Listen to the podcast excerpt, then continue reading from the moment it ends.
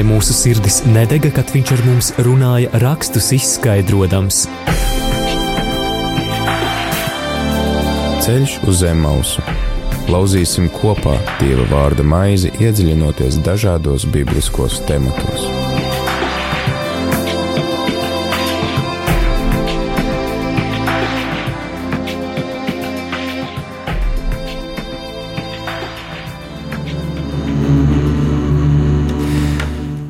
Esiet sveicināti, darbie radio klausītāji! Tiekamies ceturtdienas vakarā, ir 10. janvāris, skan raidījums Ceļš uz Zemmausu.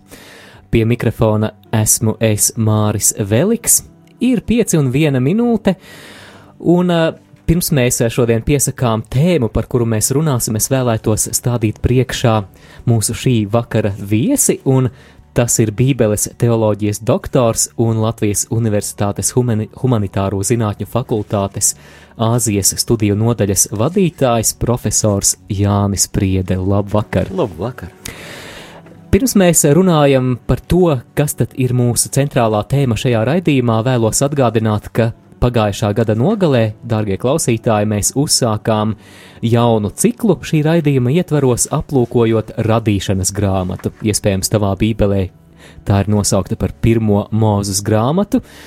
Un uh, mēs esam paguvuši aplūkot šādas tēmas. Ievadraidījumā mēs mazliet runājām gan par šo šīs grāmatas iespējamo izcelšanos, par struktūru, par uh, būtiskākajām teoloģiskajām domām, uh, Tad mēs jau konkrēti pievērsāmies šīs grāmatas tekstam, aplūkojot gan pirmo, gan otro radīšanas stāstu, ko mēs lasām radīšanas grāmatas pirmajā un otrajā nodaļā. Visbeidzot, iepriekšējā raidījumā mēs runājām par cilvēka grēkā krišanas stāstu, kurš ir atrodams radīšanas grāmatas trešajā nodaļā. Vēlos mazliet atgriezties pie es atvainojos, atgriezties pie pirmajā raidījumā jau minētā fakta, ka viens no veidiem, kā mēs varam iedalīt šīs grāmatas eh, struktūru, ir divas pamatdaļas. No 1 līdz 11 nodaļai mēs varam runāt par priekšvēsturi vai pirmā, pirmvēsturi, savukārt no 12 līdz 50 nodaļai ir patriārhu vēsture. Profesoru Jāni Priedi esam aicinājuši uz studiju, lai vairāk parunātu par šo pirmo radīšanas grāmatas daļu kopumā, lai saprastu, kas ir tās galvenās atslēdziņas, kas mums ir svarīgas šo tekstu saprašanai, un eh, tad jau turpmākajos raidījumos konkrētāk pievēršoties eh, turpmākajām nodaļām, tad uh, noteikti šajā raidījumā iegūtā informācija palīdzēs labāk visu salikt pa plauktiņiem un ieraudzīt plašākā kontekstā. Profesor, mēs šeit pirms raidījuma mazliet aizkadrā runājām par to, uh, Nu, kā tad ir ar to bībeli? Kā tad ir ar šiem tekstiem? Vai tas ir dieva vārds vai tas ir cilvēka vārds? Kurš ir autors? Es dažreiz arī daudziem cilvēkiem esmu jautājis, eh, piemēram, alfa kursā runājot par bībeli, nu kā jūs domājat, vai bībeles autors ir dievs vai cilvēks? Kā uz šo jautājumu atbildētu jūs? Man liekas, ka atbilde ir vienkārša. Ja mēs paskatāmies uz Jēzu Kristu, Mēs sakām, Dieva dēls. Viņš pats sevi kādreiz sauc arī par cilvēka dēlu. Un no ticības apliecinājuma mēs labi zinām, ka Jēzus Kristus ir īsts, patiesa dievs un īsts, patiesa cilvēks. Un to pašu mēs varam teikt par Dieva vārdu, kas ir Bībele. Proti, Bībele ir no vienas puses īsts Dieva vārds, Un tikpat mēs varam teikt, ka tas ir īsts cilvēka vārds. Proti, to cilvēku teikts, rakstīts, recitēts, kas dzīvoja ļoti konkrētā kultūra vidē, eh, un kuru kultūra vidē noteikti atšķirās no mūsu dienām. Un skatoties uz to laiku, ar mūsdienu acīm, uz to cilvēku kultūru vidi, gan uz viņas valodas, izteiksmes, mākslinieckajiem līdzekļiem, gan uz priekšstatiem par pasaules uzbūvi, vai nu tā būtu ar zemi centrā vai savādāk, nu, mēs skatāmies no mūsdienu priekšstatiem. Jo tam dievam, dieva atklāsme parādās konkrētā laikā. Viņ, ja dievs savu atklāsmi sūtītu, teiksim, Bībeli, piemēram, mūsdienās, uh, tajā būtu mūsdienu priekšstati. Bet nākamo gadsimtu vai gadu tūkstošu cilvēku skatoties uz šo Bībeli uz cilvēka vārdu, redzētu vai dieniņās, no viņi taču neko ne, nesaprot par zinātni, tādu kā sapratīs to pēc 100, 200 tūkstošu gadiem. Līdz ar to mēs varam droši teikt, ka tas ir cilvēka vārds, tādu kā to ir rakstījuši tā laika cilvēki, uzrunājot savus laika biedrus un uzrunājot tos, kas nāks un dzīvos līdz pat mūsdienām līdz pat pasaules galam. Un no otras puses tas ir Dievs, kas uzrunā ikvienu no mums, vēršas pie mums personīgi un, jā, un uzrunā visus, visu savu baznīcu reizē, protams. Paldies par šo atbildi, un profesori, jūs jau pieminējāt uh, to diskusiju, kas, manuprāt, ļoti bieži kristiešu vidē ir vērojama. Nu, kā tad mēs pieejam šīm pirmajām 11 nodaļām radīšanas grāmatā, vai burtiskā veidā, kā varbūt uh, kādi fundamentālistu novirziena kristieši varbūt to pieņemtu, vai arī tomēr mēs uh, aplūkojam tādā alegoriskā veidā meklējam tās galvenās teoloģiskās domas, kuras, eh, kā, kā jūs varbūt eh, vēl eh, pakomentētu klausītājiem šo Nu, pirmās, diskusiju. kā jau jūs pieminējāt, pirmās 11 nodaļas radīšanas, jeb iesākuma grāmatā, ir ļoti, ļoti, ļoti savdabīgas. Proti, tajās ir ārkārtīgi dziļas teoloģiskās patiesības, bet forma, kādās tās ietērpta, ir vienkārši skaista un mākslinieciska un brīnišķīga. Tāpat kā mēs dziļas patiesības varam ietērpt vai nu sausā zinātniskā rakstā, vai izteikt brīnišķīgā poēmā, dzējā. Uh, Gleznā, arī gleznā mēs varam ielikt dziļas patiesības.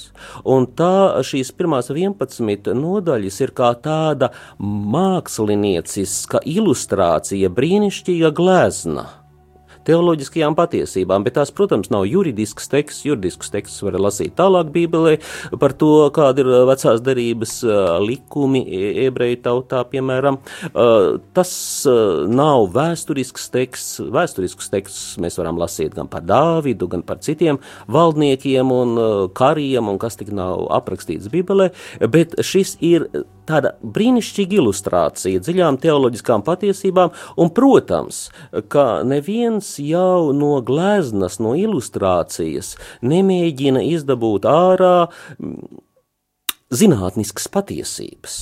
Jo jau 4. gadsimta Augustīns teica, nu, ja Dievs būtu gribējis uzrakstīt uh, astronomijas rokas grāmatu, viņš to būtu uzrakstījis, bet viņš mums gribēja dot svētos rakstus. Darbie klausītāji, vēlos atgādināt, ka šoreiz raidījumā Ceļš uz Emmausu pie mums viesojas Bībeles teoloģijas doktors Jānis Priede, un mēs runājam par radīšanas grāmatas, vai, kā jūs jau nu pat arī dzirdējāt, iesākuma grāmatas pirmajām 11 nodaļām.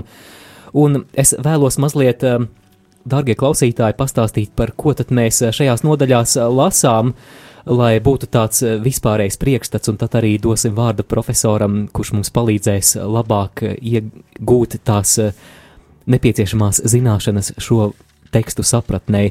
Pirmajās divās nodaļās mēs lasām par pasaules radīšanu, par cilvēka radīšanu, trešajā nodaļā cilvēks atkrīt no dieva, Stāsts par Kainu un Ābelu 4. nodaļā un par civilizācijas aizsākumiem lasām par cilvēces ciltsrakstiem.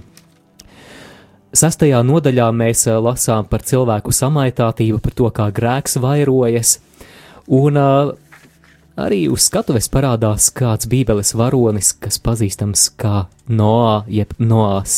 Ir stāsts par grēku plūdiem, par derības šķirstu, par uh, derības slēgšanu ar Nou, un 11. nodaļā mēs lasām par Bābeles torni.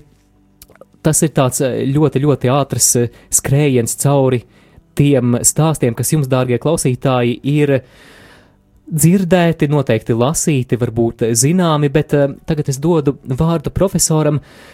Gan es, gan klausītāji tagad pie radioaparātiem mēs vēlamies būt kā tādi studenti, un tad kas būtu tās svarīgākās lietas, ar kurām jūs gribētu sākt skaidrojot šīs pirmās 11 nodaļas. Nē, pirmās 11 ir vienkārši par daudz. Uh, es jau zinu, man jūs Jā. aicinājāt taču uz tādu, manuprāt, šausmīgi, nu, šķietami garlaicīgu bībeles uh, vai šo nodaļu daļu, kur ir uzskaitīta vesela kaudze ar vārdiem, uh, kas kuram ir bērns, kas kuram ir tēvs, kas no kura ir dzīmis, un cik tanu ilgus gadus viņi ir dzīvojuši. Jā Jā, to un, mēs lasām gan 4. Jā. nodaļā, 5. nodaļā. Tieši tā, un tad principā tad šodien mēs varam runāt gan par varbūt tās par atsevišķām šīm ciltīm vai dzimtām vai ģenealoģijām, par atsevišķām dažām, tādu ieskatu tam dažām personām, kā mēs viņas attēlotajām personām vai tēliem, kā mēs viņas no mūsdienu skatījuma varētu vērtēt vai ko mēs par viņiem varētu teikt, un tad dot ieskatu Bet kā tad īstenībā katrs no mums, lasot Bībeli, varētu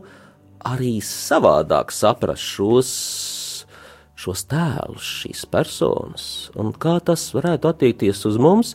Un tādā gadījumā tas vairāk nebūs tik drausmīgi, garlaicīgi. Jūs sagatavojaties, tā būs ļoti garlaicīga lekcija. Diez vai, diez vai. Bet, jā, lūdzu. Nu jā, gaidot jautājumus no jūsu puses, tad ko es varu teikt? Mēs varam ieskatīties dažos personu dzīves ilgumos. Un mēs redzam, ka, piemēram, Metuzāls uh, ir dzīvojis 969 gadus. Viņš ir ilgākais no tiem, kas uh, Bībelē ir tiek pieminēts, un uh, tad kad viņa uh, plūdi notiek, jā, tad, kad sākās plūdi no laikā, un kad tad Metuzālems pienāk viņa mūža beigas, un, jo viņam ir mazdēls no. Taču vispirms ieliksim to visu tādos lielos rāmjos. Mēs Bībelē redzam, ka ir divas ciltis šajā 4. un 5. nodaļā, uh, un viena cilts, kas ir nākusi, varētu teikt, no Kaina, Kaina pēcnācēji, un pēc tam sākās pavisam jauna cilts attēlota uh, no Ādama, Seta vai Šeta, uh, vai dažādi to rakstīt, pēcnācēji. Protams, kad Mēs jau labi zinām, un kā jau es sākumā teicu, mēs šeit nemeklējām cilvēks ģenētiskos uh, pirmsākumus. Ar uh, zinātni nodarbojās zinātne. Uh, Bībele ir teoloģijas daļa, mēs varam pētīt Bībeles arheoloģiju, mēs varam pētīt šos tekstus, bet mēs nepētīsim vai no, nemeklēsim Bībelē cilvēka ģenētiskos pirmsākumus vai pasaules uzbūves principus, jo mēs labi zinām, ka tie atspoguļo tā laika priekšstatus, un tajā laikā priekšstati bija bagātīgi, jo ebreju kultūra jau neradās tukšā vietā. Viņa bāzējās lielā mērā uz to milzīgo mantojumu, arī rakstisko mantojumu, ko bija atstājusi šumeru un semītu, vēlāk semītu kultūra no akadiešiem, no asīriešiem, no ugarīta, no visām tām tautām, kas dzīvoja šajā vid vidū. Un Ir saglabājušās brīnišķīgas uh, vārdnīcas no tiem laikiem un milzīgi eposi turpat Izrēlā atrasti, kuri nāk no Babilonijas un no citrienes, un viss šis materiāls zināmā mērā tiek iestrādāts Bībelē ārkārtīgi pārveidotā veidā, proti kā ilustrācija teoloģiskajām patiesībām. Un no turienes nāks arī tie gadi, kā mēs redzēsim.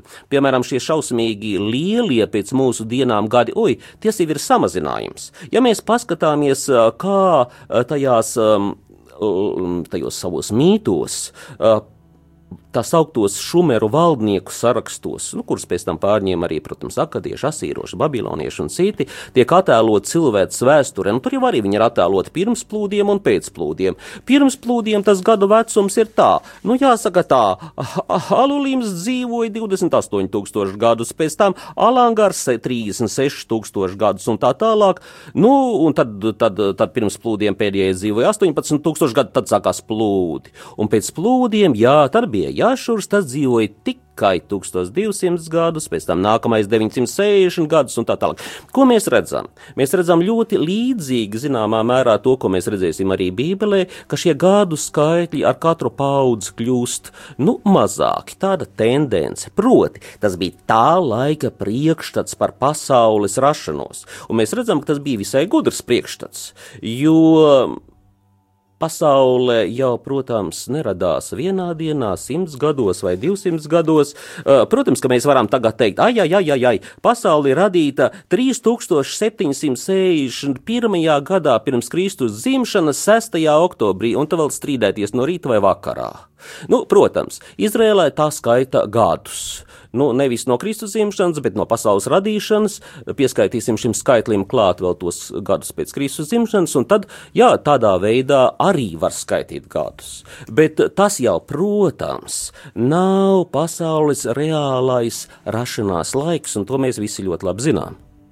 Un tādēļ šie gadu nu, tūkstoši, kurus piedēvēja kādam atsevišķam cilvēkam, valdniekam tajā laikā, vai atsevišķam varonim, kā Bībeles šajās pirmajās nodaļās, eh, tas, protams, ir veids, kā pateikt to grandiozitāti, eh, ar kādu Dievs ir radījis pasauli, kura, jā, kurai ir šo gadu tūkstošu ritējums, nevis tikai, nu, tur Jā, pāris tūkstoši gadu vien. Uh, bet tātad atgriezīsimies pie tām divām līnijām. Un šeit mēs redzam, ka ir kaina līnija, un pēdējais šajā līnijā ir Lameks. Kas bija Lameks? Viņš bija septītais.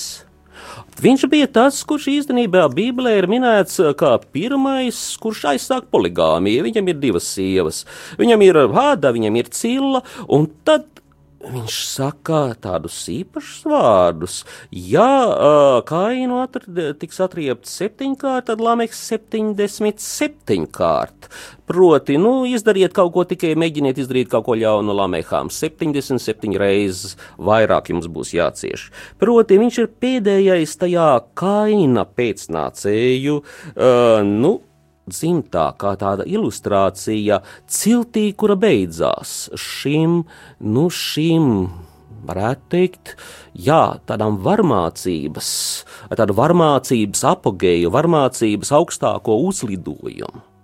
Un tad mēs redzam to otru cilti, eh, kas sākās ar, eh, jā, kas sākās ar seitu vai ar šeitu, kā viņu sauc. Jā, es te nolasīšu no 4. nodaļas, sākot ar 25. pantu, un Ādams atkal atzina savu sievu, un viņa dzemdēja dēlu un nosauca viņu par šētu, jo Dievs deva man citu pēcnācēju Ābela vietā, jo viņu nokāva kains. Un šētam arī viņam dzima dēls, un viņš nosauca to vārdā Enošs tolaik sāka piesaukt kunga vārdu. Jā, un te mēs redzam to milzīgo atšķirību, to milzīgo atšķirību uzreiz starp divām, varētu teikt, nu, tendencēm kas tiek atspoguļotas Bībelē, un tendences tiek atspoguļotas nu, kā ciltis, kā atsevišķas personas. Šī viena tendence aizvien lielāku varmācību orientētā, aizvien lielāku, nu, iešanu, došanos projām no dieva plāna, kur dieva plānā Ādamām bija no viena sieva, viens palīgs. Kauls no kaula, miesa no miesas, viņi bija vienoti. Nu šeit mēs redzam brīnišķīgu poligāmiju, uh, mēs redzam brīnišķīgu varmācību. Tas viss, protams, izdzīvo arī līdz mūsdienām, uh, bet tā atšķirība ir, ka Enošs meklē dievu. Un tā jaunā cilts, mēs uh, jā, redzēsim, tā jaunā cilts uh, iet līdz pat noām. Un uh, mēs runājam, arī šeit parādīsies viens lameks, bet tas ir cits lameks tas ir absolūti cita persona. Ja pirmais lāmeks ir varmācības iemiesojums, tad otrais lāmeks, mēs redzam, ir cerības iemiesojums. Jo ko tad lāmeks saka? Varbūt nolasat pirms. Pirms uh, gaidot. Jā, tātad lasu piektās nodaļas 29. pantu. Labi, sākšu ar 28.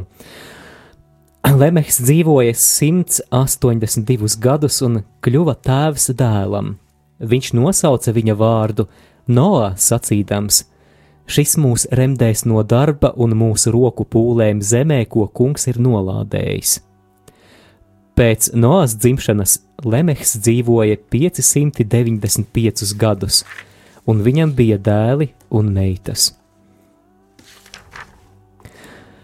Dodamies mūzikas pauzē, un, dārgie klausītāji, ja jums ir kādas pārdomas, komentāri vai jautājumi, tad uh, droši iesaistīties ēterā 67, 969, 131 ir studijas tālrunis.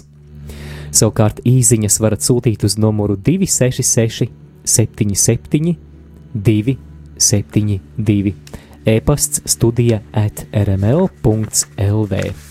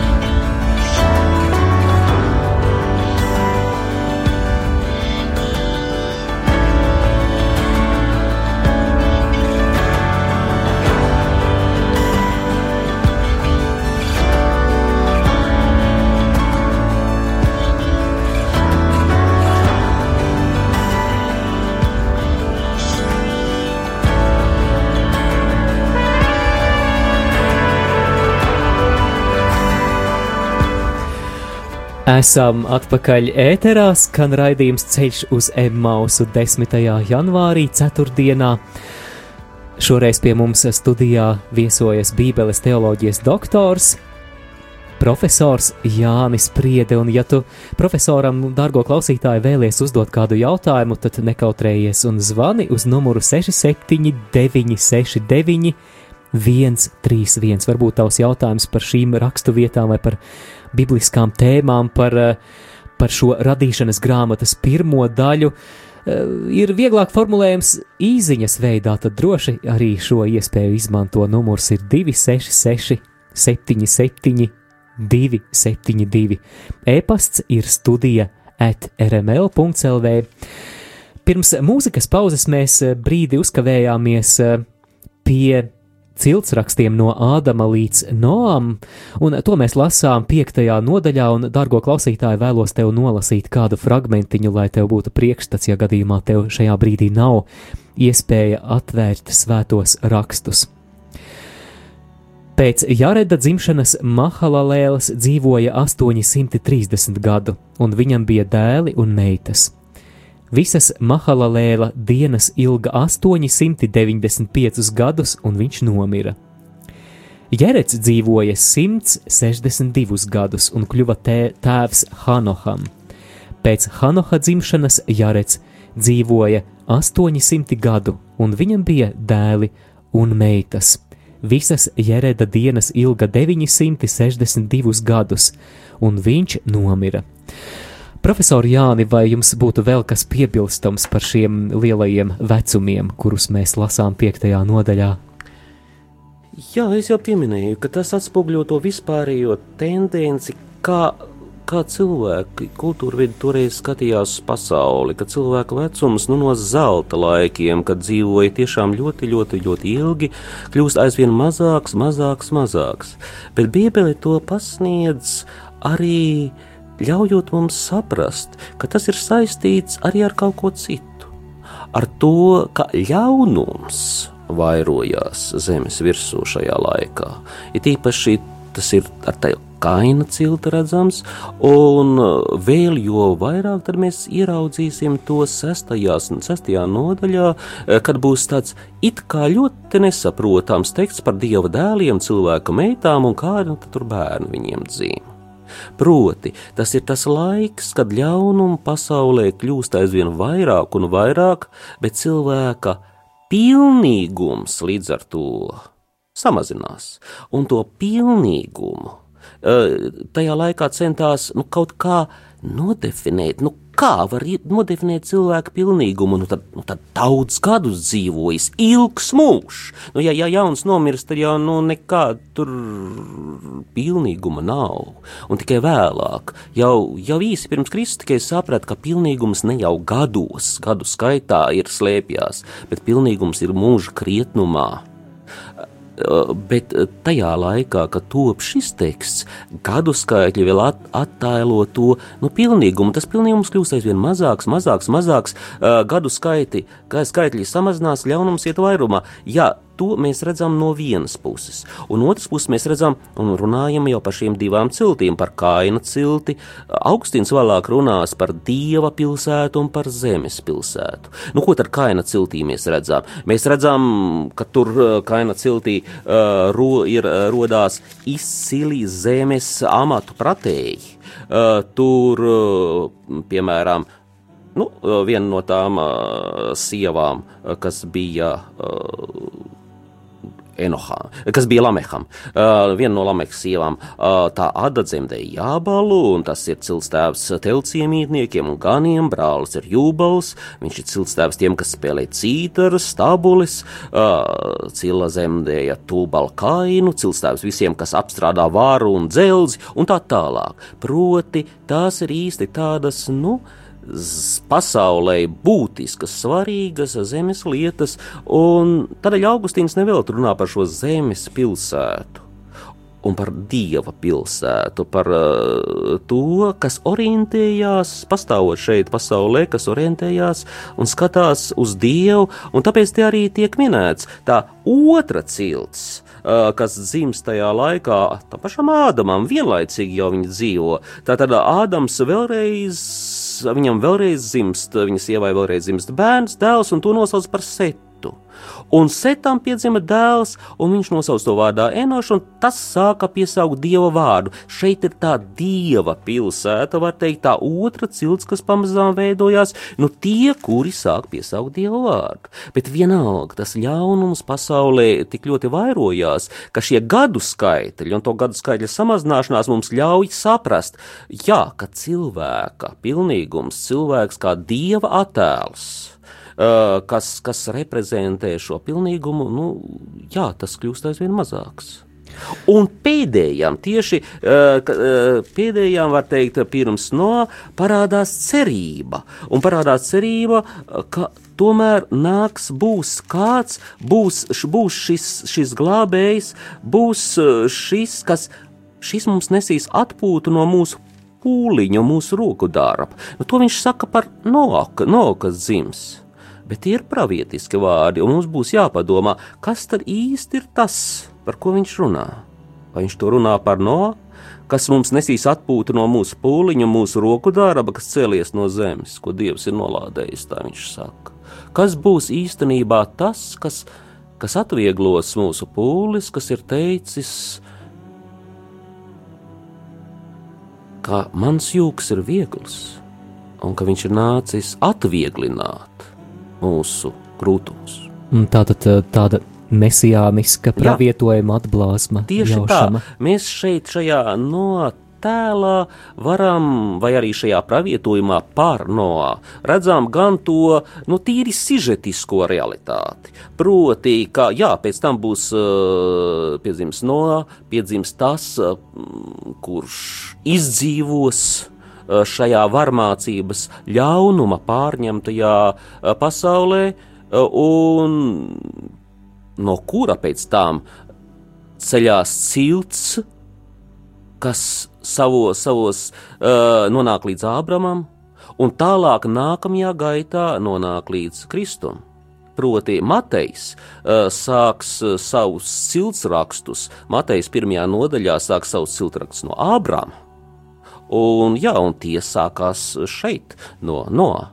Un tieši pirms Noā ir šis pravietojums, ka nu, ar šo, jā, ar šo, teikt, ar šo cilti, ar šo Noā sāksies šī atbrīvošana, šī atpūta. Nu, jā, un pilnību šī atpūta, protams, sasniedz tikai Kristus. Vēl brītiņu vēlos uzkavēties pie ciltsrakstiem, kurus mēs lasām piektajā nodaļā, un te, manuprāt, ļoti interesanta persona ir Hanohs vai Enohs. No 22. panta mēs lasām, pēc Metušelaha dzimšanas Hanohs staigāja ar Dievu 300 gadu, un viņam bija dēli un meitas. Visas Hanoha dienas ilga 365 gadus un atkal uzsvērts, ka Hanohs staigāja ar dievu, un viņa vairs nebija, jo dievs viņu paņēma. Vai jums, profesor, būtu kāds komentārs par Enohu vai Hanohu?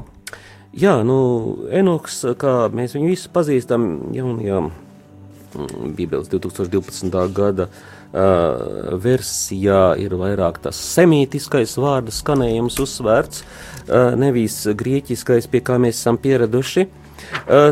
Tad Enoks, protams, ir ļoti interesants tēls Bībelē. Viņš, Enoks un Elija ir tie, kas tiek paņemti debesīs. Bet šeit nav runa par tādu kā augšām celšanos no mirušiem. To nodrošina tikai nodrošina tikai pēc tam Kristus nākšana pasaulē, Kristus ciešanas, viņa augšām celšanās. Enoks un tāpat Elija tiek minēti Jāņa atklāsmes grāmatā. Ja mēs tajā ieskatāmies, viņi tiek minēti kā tie, kuri atgriezīsies īsi nu, pirms, jā, pirms diezgan ļauna pasaules ļaunām pasaules pēdējām, pēdējo laiku dienām, uh, ant, kas saucās uh, Antikrista dienām un tam līdzīgi, un viņi mirs, viņi mirs mocekļu nāvē. Jā, un viņi būs pirmie, kas tā īsti augšām celsies, tad kopā ar visiem tiem, kas augšām celsies, kopā ar, uh, ko, pateicoties uh, Kristus upuriem, Kristus augšām celšanās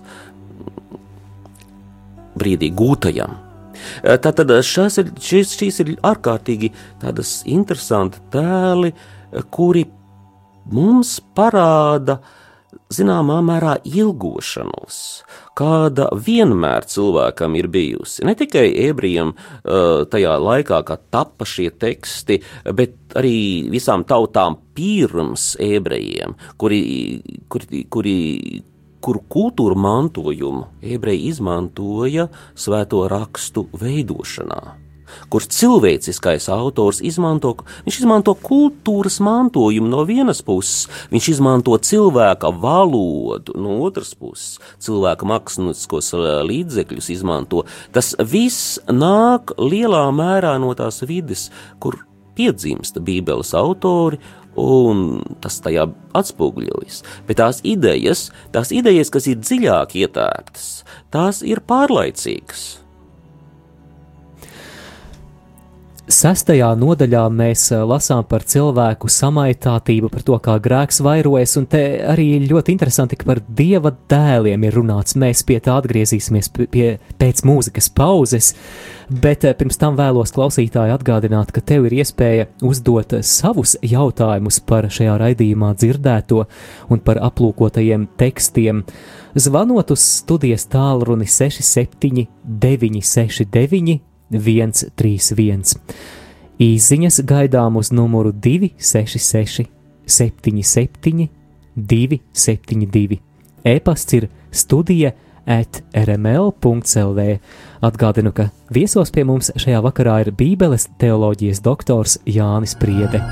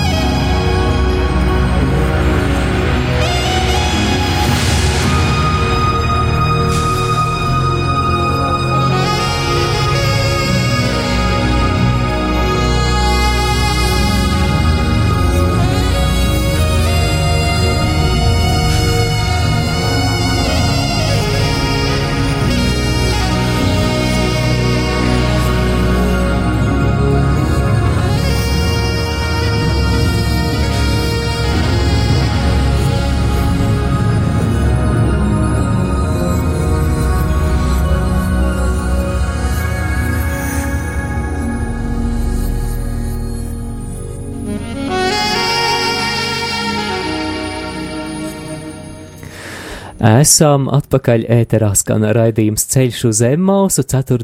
10. janvārī. Šeit pie mikrofona es Māris Veliks un arī profesors, doktors, teoloģijas doktors svētajos rakstos, profesors Jānis Priede. Pirms mūzikas pauzes mēs runājām par cilvēces ciltsrakstiem radīšanas grāmatas piektajā nodaļā, bet turpināsim tagad ar sestās nodaļas pirmajiem pantiem, kurus vēlos nolasīt. Un bija, ka cilvēku uz zemes kļuva aizvien vairāk un tiem dzima meitas. Dieva dēli redzēja, ka cilvēka meitas ir jo labas, un viņi no tām ņēma sev sievas, kuru vien vēlējās. Un kungs teica: Lai mans gars nevalda cilvēkā uz mūžiem, jo viņš ir tikai miesa, lai viņa dienas ir 120 gadi. Tajās dienās uz zemes bija milži, pēc tam, kad dieva dēli bija nākuši pie sievām un tos dzemdinājuši. Tie bija varoņi, kopš senatnes vīri ar vārdu. Un kungs redzēja, ka pieaug cilvēka ļaunums uz zemes, un viss, ko viņš veidojis, ikdienu savā sirdī domā tik ļaunu. Un kungs nožēloja, ka uz zemes taisīs cilvēku, un tas mocīja viņus viņa sirdi. Un kungs teica: Es noslaucīšu no zemes virsmas cilvēku, ko es radīju. Jā, nu, kā tad varam uh, to komentēt? Uh, ir divi aspekti. Skatu, ja mēs skatāmies tā uz to tīri cilvēcisko pusi, uz to dieva mm, vārdu un cilvēku vārdu, proti, uz to cilvēku vārdu, uz to kultūru vidi, kas tur atspoguļojās šajā tekstā.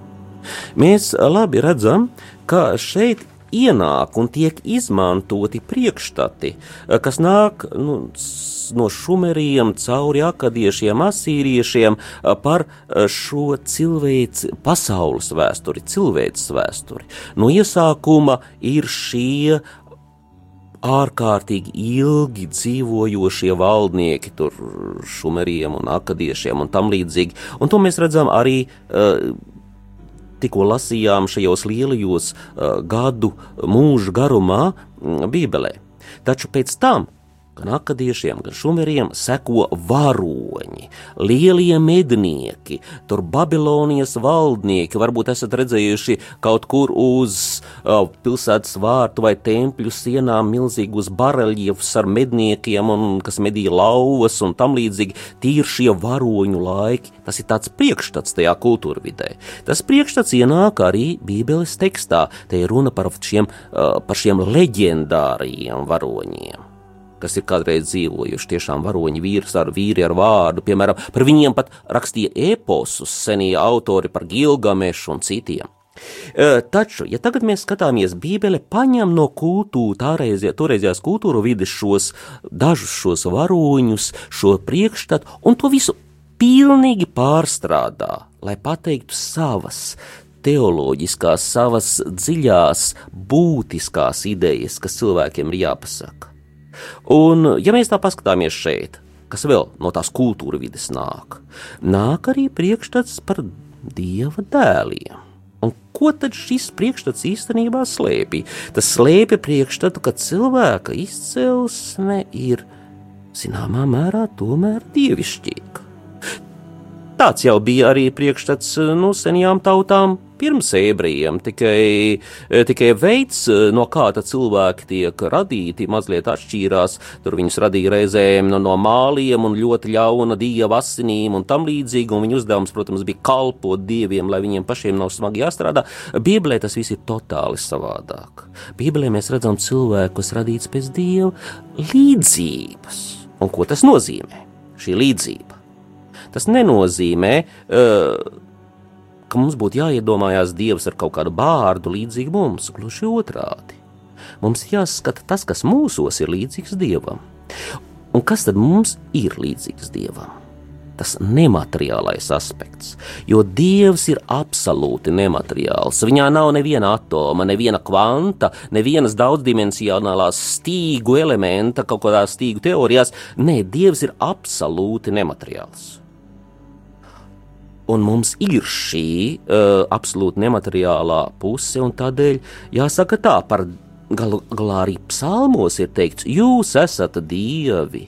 Nu, šīs nemateriālās puses dēļ to var attiecināt arī uz cilvēku.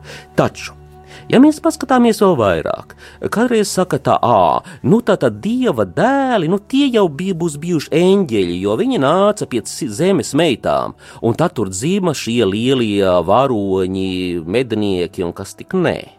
Eņģeļi vai tiešām? Padomāsim, kas ir eņģeļi?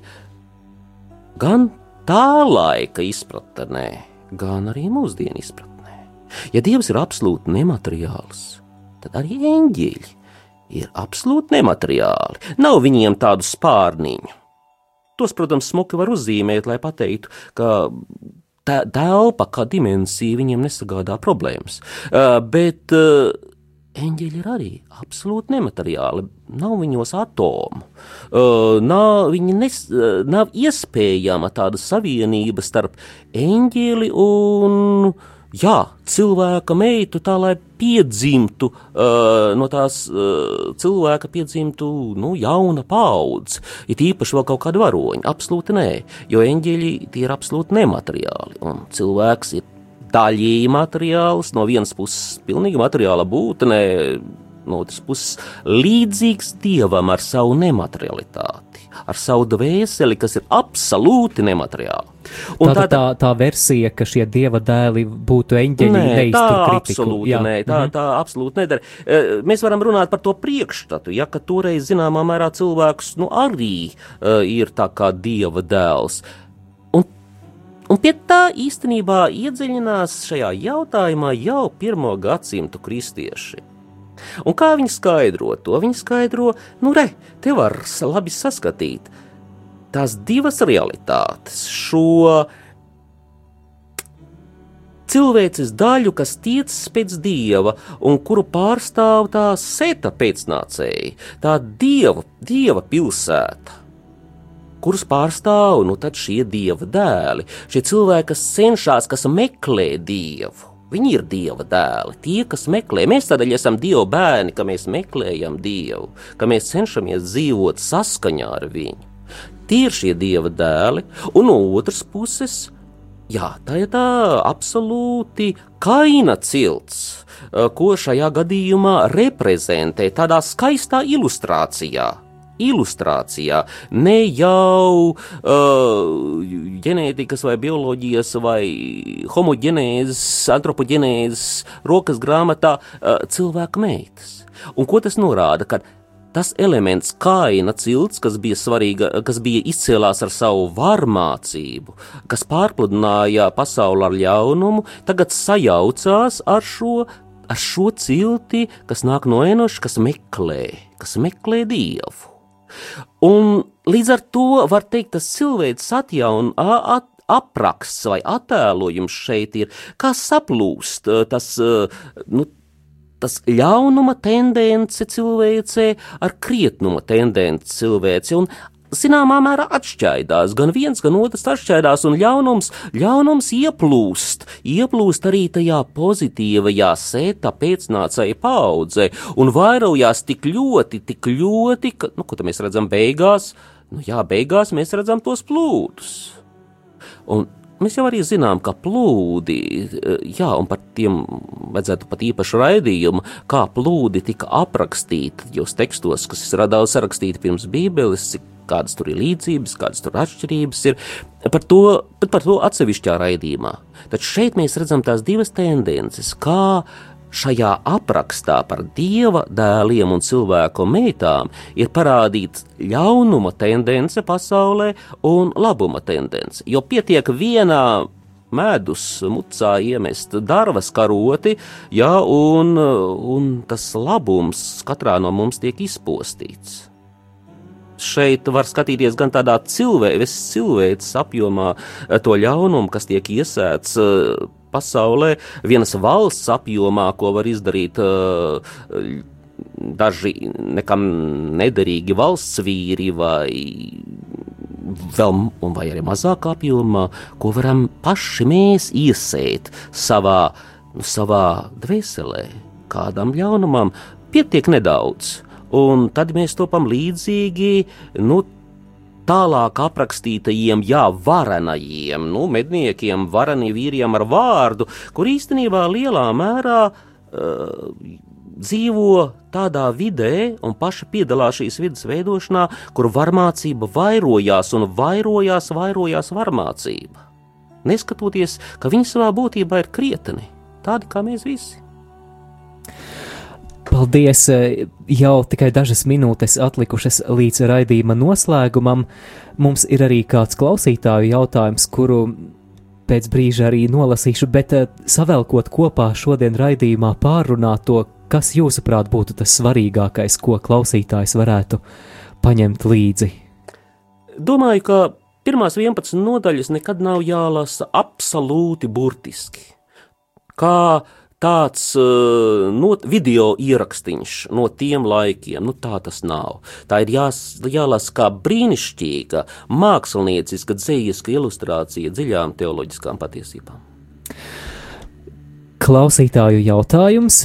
Labvakar, paldies profesoram par skaisto skaidrojumu. Lai tādu varētu izteikt, ir ļoti daudz jāstudē un nopietni, bet cik no mūsdienu pasaules cilvēku, kuri nav priesteri, studē nopietnā līmenī svētos rakstus. Domāju, ka tādu ir ļoti maz. Sanāk, ka parastam nestudējušam cilvēkam īsti nav uztverams Bībeles teksts, īpaši vecās derības teksts, ar tādu domu, ko tanī ielika tie autori, kuri to rakstīja. Kā būtu jālasa mūsdienās šie teksti? Paldies!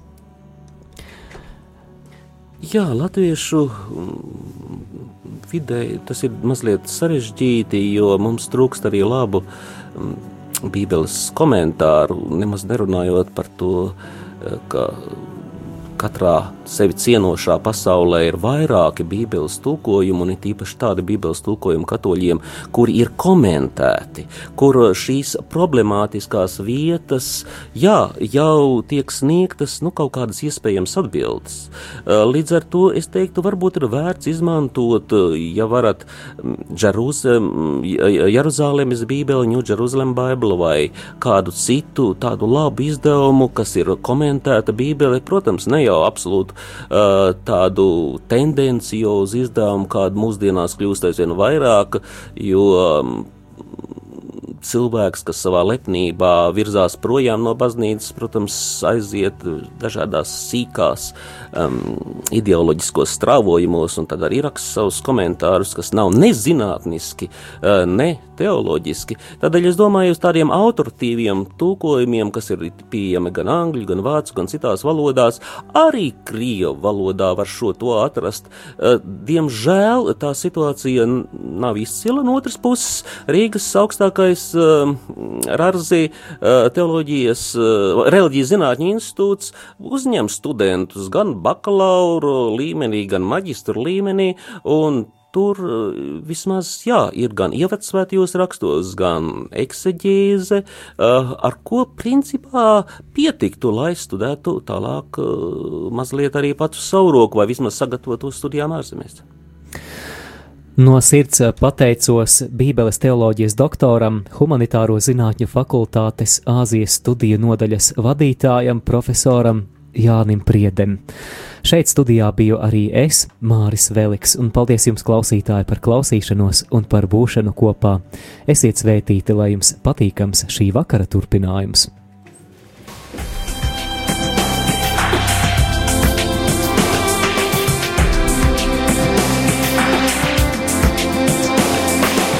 Ceļš uz zem mausu katru ceturtdienu, pulkstens 17.